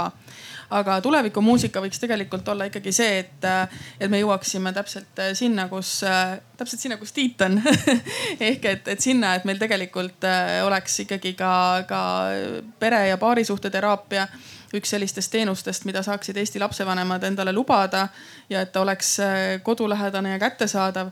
ehk et, et tegelikult see, et me äh, saaksime juba ennem omadega jonksu, kui me nüüd nii tülli lähme, et meil perelepitust vaja läheks no, siin on nagu üks selline ju soovitus sees, aga tuleme nüüd selle tuleviku juurest, et, et kui see seadus tuleb ja kui need vahendid tulevad ja, ja tuleme nagu selliseks inimeseks olemise tasandi juurde. et kui esiteks võib-olla ma siis küsin teistmoodi üldse, et mis see esimene signaal on, mis peaks äh, tekitama nagu seda küsimust, et kas see, mis siit järgneb, ei või viia siis äh, lahutuseni? kas sa Tiit oskad öelda, kas ühesõnaga, et, et mis hetkel, muidugi on õige vastus see, et regulaarselt ja kogu aeg peaks selle suhtega tegelema aga kui ei, ei tegele ju, me teame ju, et ei tegele, enamus inimesi ei tegele sellega mm. -hmm. kui, see on nii raske küsimus tegelikult, aga esimene mõte võib-olla on see, et kui ei taha enam rääkida. ma ei tahagi. et siis ikkagi juba läheb keeruliseks sellest hetkest. ma ei tahagi, et paremaks läheks. Andres, kas sul on mingi nägemus lahendades neid lastelugusid just või nähes neid lastelugusid, et, et kus kohas need vanemad või see perekond oleks pidanud iseenda asju teisele suunale ajama hakkama? Nojah, meie juurde nad jõuavad juba siis, kui asi ikkagi ongi juba hapu, aga mulle see Tiidu mõte meeldis, et tegelikult selle oma suhtega tuleks tegelema hakata siis, kui sa ikkagi tunned, et, et sa ei ole rahul ja sa ei saa seda ka kuidagi üksi või omavahel te ei saa seda lahendatud. ehk et siis on ikkagi mõistlik minna spetsialisti juurde ja vaadata, et ehk, ehk saab tema abiga siis. et noh, see võiks olla see esimene asi, mida teha, et proovida ikkagi seda paarisuhet siis äh, hoida. Siis on ikka kõvasti odavam. jah. Ja ka lapse jaoks ja, ja üldse noh, mõlema poole jaoks, eks ole, oluliselt äh, vähem traumeeriv. Jah, aga no kui see otsus on ikkagi juba tehtud, et seda noh, tuleb ka ette, eks ole. et noh, ka siis vaadata, et kas me saame ise vanematena oma vanema rolliga hakkama selles olukorras, kus meil endal on emotsioonid, eks ole, väga tugevad ja võib-olla väga negatiivsed omavaheline paarisuhe on lõhki läinud just, et kas me suudame vanemana toimida lapse jaoks olemas olla ja seda lahutust siis tema jaoks äh, nii, nii, nii vähevalulikuks kui võimalik teha. ja kui see vastus on, et ei, et noh, siis ka tuleks igal juhul minna ja, ja otsida abi. et, et enda emotsioonidega paremini toime tulla ja et ka vanemana siis last selles protsessis paremini toetada. sest mina arvan küll, et ega noh, mingi selline väga halb kooselu on lapse jaoks kindlasti halvem variant kui selline viisakas ja, ja ütleme, selline läbimõeldud lahkuminek et, et noh, see muutus on vajalik, aga et noh, et, et siis ongi see, et lapsel on väga palju küsimusi, millele ta peab saama vastused. ta peab saama avatult rääkida oma tunnetest, sellest, mida tema äh, kardab, äh, sellest, et mõlemad vanemad jäävad tema jaoks alles ja kui tal on ikkagi noh hirmud ja vanemad neid ei suuda maha võtta ja ta näeb, et nende suhted on nii konfliktsed, et ta kardab, et võib-olla tal ei jää kumbagi vanemat enam, sest ka sellel, kes temaga kokku jääb elama, ei ole tema jaoks enam aega.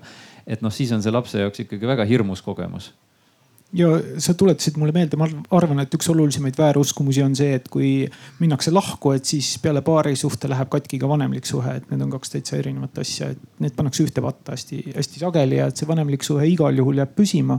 ja seda on vaja ka lastele päris palju kommunikeerida korduvalt ja korduvalt, et, et võib-olla see ka, et ükskord rääkisin, et aitab et lapsele on vaja rääkida ikka palju kordi ja omavahel on tegelikult ka vahel mitu korda vaja rääkida minu kogemuse najalt on veel selliseid kaks sellist äh, faktorit, millele äh, tasuks äh, tähelepanu pöörata, et siis kui, et mis juhul oleks seal lahkumineku protsessi käigus vaja abi otsida, et mm, üks on see, kui, kui sa oled ise leidnud selle täieliku meelekindluse selles, et, et sinu jaoks see suhe ei saa edasi kesta ja siis sa lähed teise poole juurde sellest rääkima ja sulle tuleb vastu selline müür ja ei et, äh, et puudub nagu selline noh, üldse nagu diskussioon sel teemal. et, et need on sellised juhtumid, mis on ka tihti nagu meieni jõudnud, mis on sellised, et üks elab sellises täielikus äh, eituses ja, ja siis juba omakorda hakkavad need muud meeleolud seal käima, ehk et nagu me ei saa üldse sellest äh, hakatagi nagu mingisuguseid praktilisi samme või lapsesõbralikkust sealt nagu edasi aretama, sellepärast et noh, me oleme siin ise nagu juba esimesel sammul oleme tupikus. Äh, ja teine asi, mis muidugi hästi äh, selgelt on tunda, on see, kui, äh, kui sa tahaksid rääkida selle oma kaaslasega, aga tegelikult sa räägid selle kaaslase siis mingisuguse teise mõjutava osapoolega. et kui see on siis seal, olgu see, see ämm või uus elukaaslane või kes iganes, aga et, et tegelikult ikkagi see vanemaks olemise dialoog peaks olema ikkagi eelkõige kahe lapsevanema vahel et kui seal on juba see mingisugune muu võrgustik, kes omavahel neid asju äh, ajab, siis äh, sellel ei tule kiiret lõppu. ehk et siis on juba ka võib-olla see koht, kus tasuks korraks peatuda ja hakata mõtlema, et, et, et kuidas me saaksime selle omavahelise dialoogi nagu taastada ja mina tahaksin lisada, et kohtusse ei tuleks tulla mitte esimese asjana, vaid viimase asjana. ja enne tuleks kõik muud asjad ära proovida, sest kohtus läheb kõik ainult hullemaks. et mitte ainult sellepärast, et inimesed ise on siis juba nii-öelda relvistunud muus, kes võtab advokaadi, kes võtab veel parema advokaadi, kes võtab need kümme psühholoogi. aga lapse jaoks ka, et, et kuna meil on kohustus ju ka laps ära kuulata ja, ja tema arvamust eh, saada, siis eh, see tähendab seda, et see laps kindlasti satub sinna protsessi ja, ja võib-olla see mõjub tema jaoks nagu veel halvemini kui, kui see, kui seda saaks kuidagi leebemalt teha. et see tuleb ka kindlasti meeles pidada, et, et kui kohtusse tulla, siis lähevad kõik nagu formaalsed teed ja asja hakatakse nii-öelda ametlikult ajama, et see leebust sealt on nagu vähem Liina, kui sageli sa näed, et see, mis kohtus tuleb välja, ei ole nagu lõpuks nullsumma mäng, et kus nagu mõlemad pooled lähevad kohtust ära, on rahul, ütlevad väga hea, et me tulime kohtusse, et tõesti siit saime selle lahenduse. Mm,. kahju on, et ei ole jah, väga tihti. Ehk igal juhul, kui me otsustame minna kohtusse, siis tõenäoliselt on keegi võitja ja on keegi kaotaja ehk, ehk sellesse pingesse tuleb tegelikult veel rohkem pinget juurde. ei noh, see on see, et, et siis tuleb see kohtunik, eks võtab need äh, kümme spetsialisti arvamust, advokaatide arvamused, lapse arvamuse, vanemate arvamuse ja teeb sellest otsuse, mis äh, talle sel hetkel tundub lapse jaoks kõige parem. aga kas see nagu teie jaoks ka nagu sobiv on?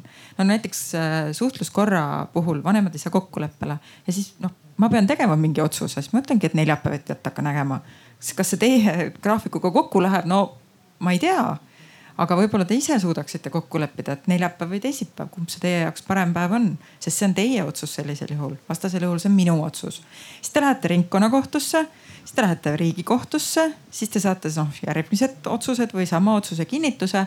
aga ega siis ka veel läbi pole, siis äh, see ei tööta, siis te lähete, hakkate otsast pihta, sest meil on praegu see kohtul ja jah, ei noh, me oleme kogu aeg suunanud. suhtluskord ei tööta, on täiesti ja. tavaline tellimus, kuidas see tööle panna? just, vahepeal käite eks lepituses, aga siis on see ametlik suhtluskord seal ka, siis lähete, käite kohtutäituri juures natuke aega.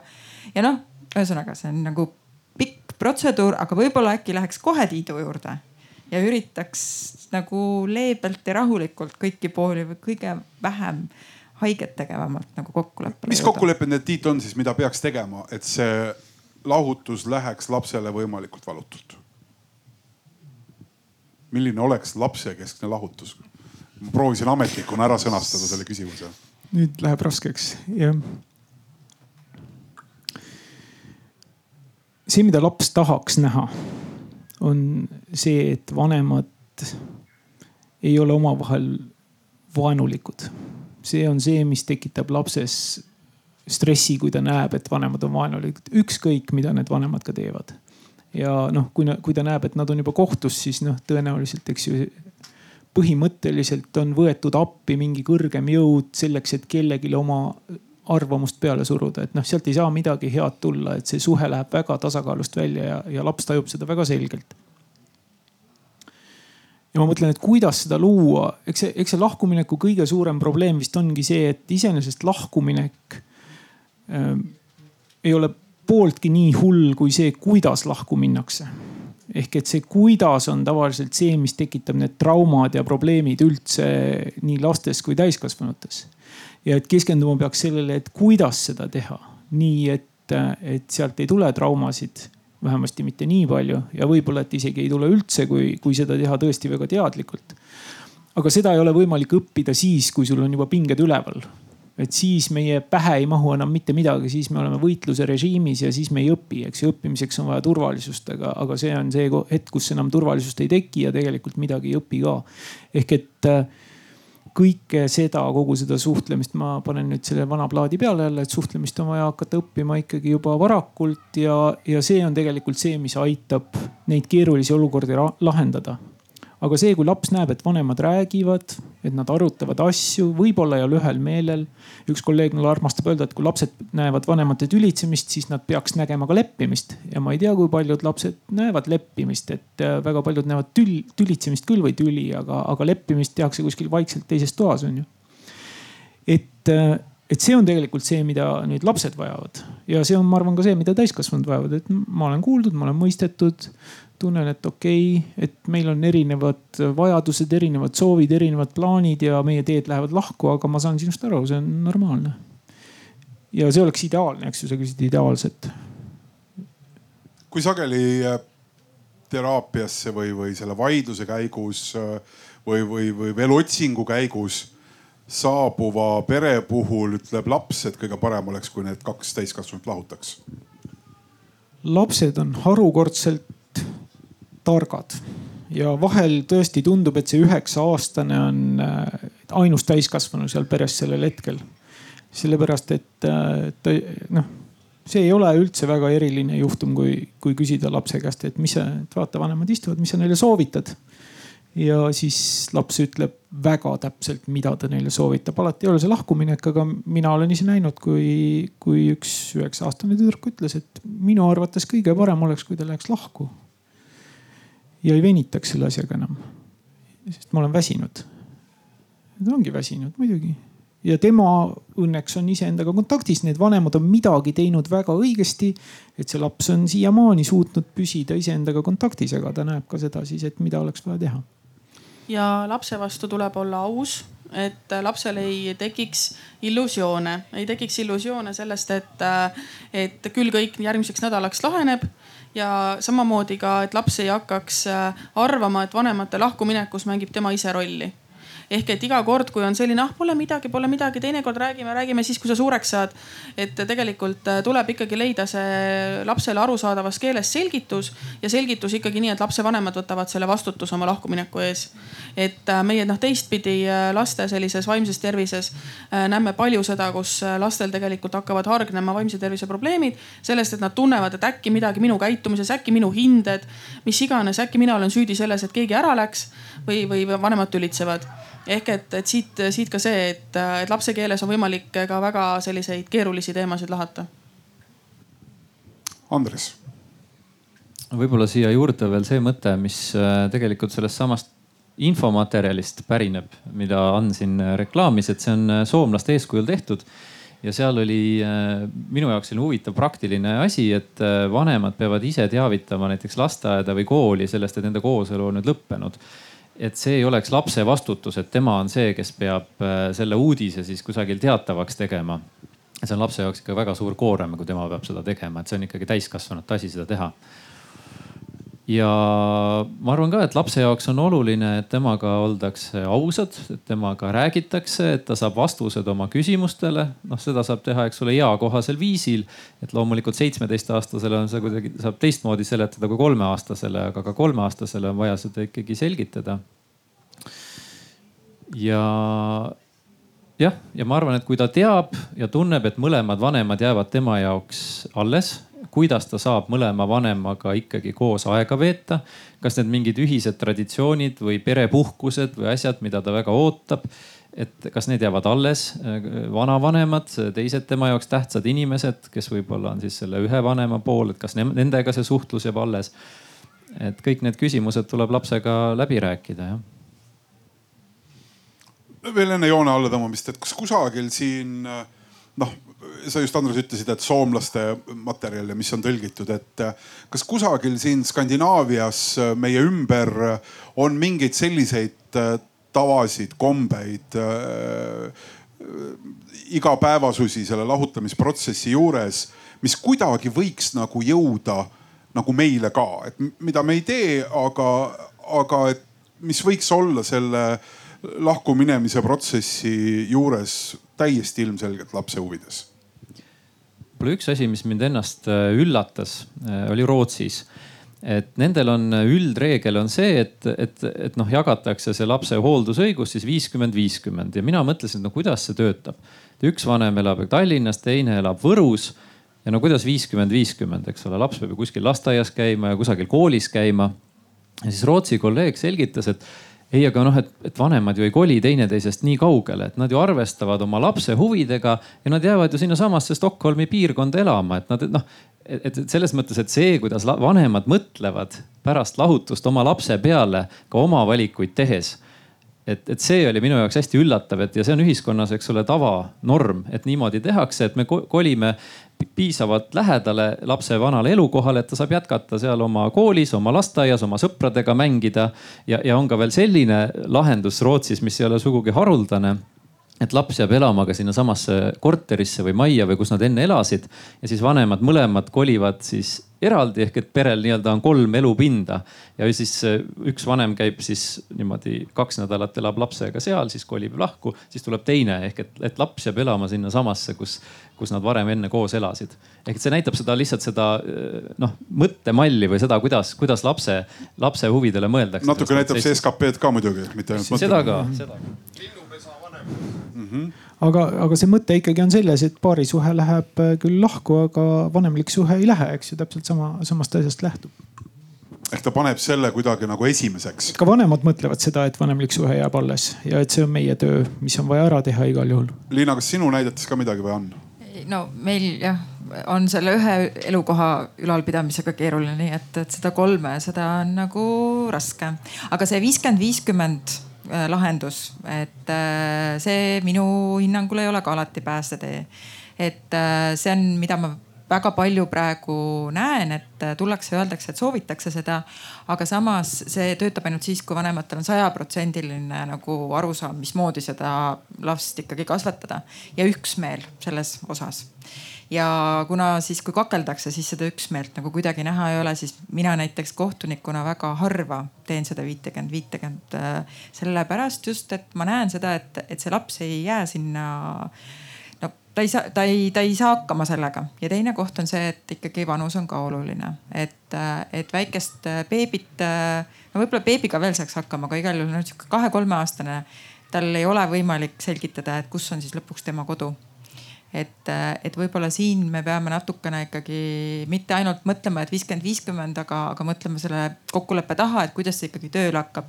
ja siin on kohtunikul kindlasti vaja välja selgitada väga põhjalikult see, et mis on see, need tingimused, kus seda viitekümmet, viitekümmet rakendama hakatakse. minu meelest jälle see noh, jah, jättes sissetulekud kõrvale, et vahetevahel ei olegi see sissetulekud kõige suurem probleem, et selles mõttes mulle see äh, jällegi see linnupesa vanemluse idee selles mõttes väga meeldib, et harilikult, kui, ähm, äh, kui räägitakse sellest laste elukohast ja elukorraldusest ja siis seesama viiskümmend, viiskümmend, siis näiteks äh, Mm, lapsevanemad toovad põhjenduseks äh, näiteks selle, et, et kuidas ta saab olla mitte viiskümmend, viiskümmend, et muidu ma pean ju seda last, ma ei tea, transportima näiteks või, või muidu ma teen oma elu ju nii keeruliseks sellega, et kui ma pean no, pidevalt viima-tooma.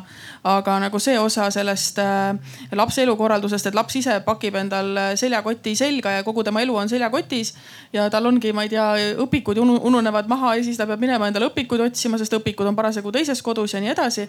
ehk et tegelikult see duubel elukoht, et kas lapsevanemad ise tegelikult tegelikult äh, selle peale mõtlevad, et kui raske on olla see laps, kellel on need kaks kodu ja kes mõtlebki esmaspäeval, et kas täna õhtul ma lähen nüüd ühte koju või teise koju või on tal mingi kalender selleks, eks et, et selles mõttes, et seda läbi mängida tunnetuslikult, et kuidas on olla see laps, pluss veel erinevates vanuseetappides laps et, et seda nagu tasub teha ja ma arvan, et see rootslaste variant, see, et kodud ei ole teineteisest kaugel ja, ja vanemate suhted on piisavalt äh, inimlikud selleks, et, et polegi probleem lipata õhtul sealt teisest kodust läbi ja võtta see õpik, onju.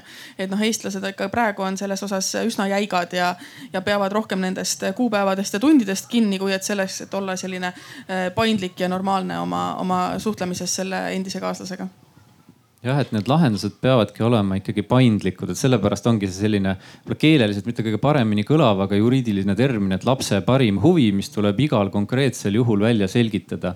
et ei saa sellist šablooni teha, et meil on kas viiskümmend, viiskümmend või alati on ainult üks kodu parem kui, kui see, see jagatud kodud, et tuleb vaadata seda konkreetset peret seda last, tema noh vanust, eks ole, laste ja vanema omavahelisi suhteid kus ta koolis käib, trennid kõik, eks ole, ja, ja, ja tehagi see otsus konkreetselt pere ja, ja last silmas pidades. ja ma arvan, et Eesti seadused selles osas on väga head, et tegelikult kohtunikele on antud väga vabad käed selles osas, milline otsus teha. et see ongi see lapse, lapse jaoks parim otsus on see, mille siis kohtunik peaks suutma teha. aitäh, Andres. Need olid ka lõpetuseks erakordselt äh, head sõnad. lapse parim huvi on ka lahutuse juures see, mida tuleb esimese asjana ilmselt ähm, otsida. Ann, Liina, Andres, Tiit, suur aitäh teile selle vestluse eest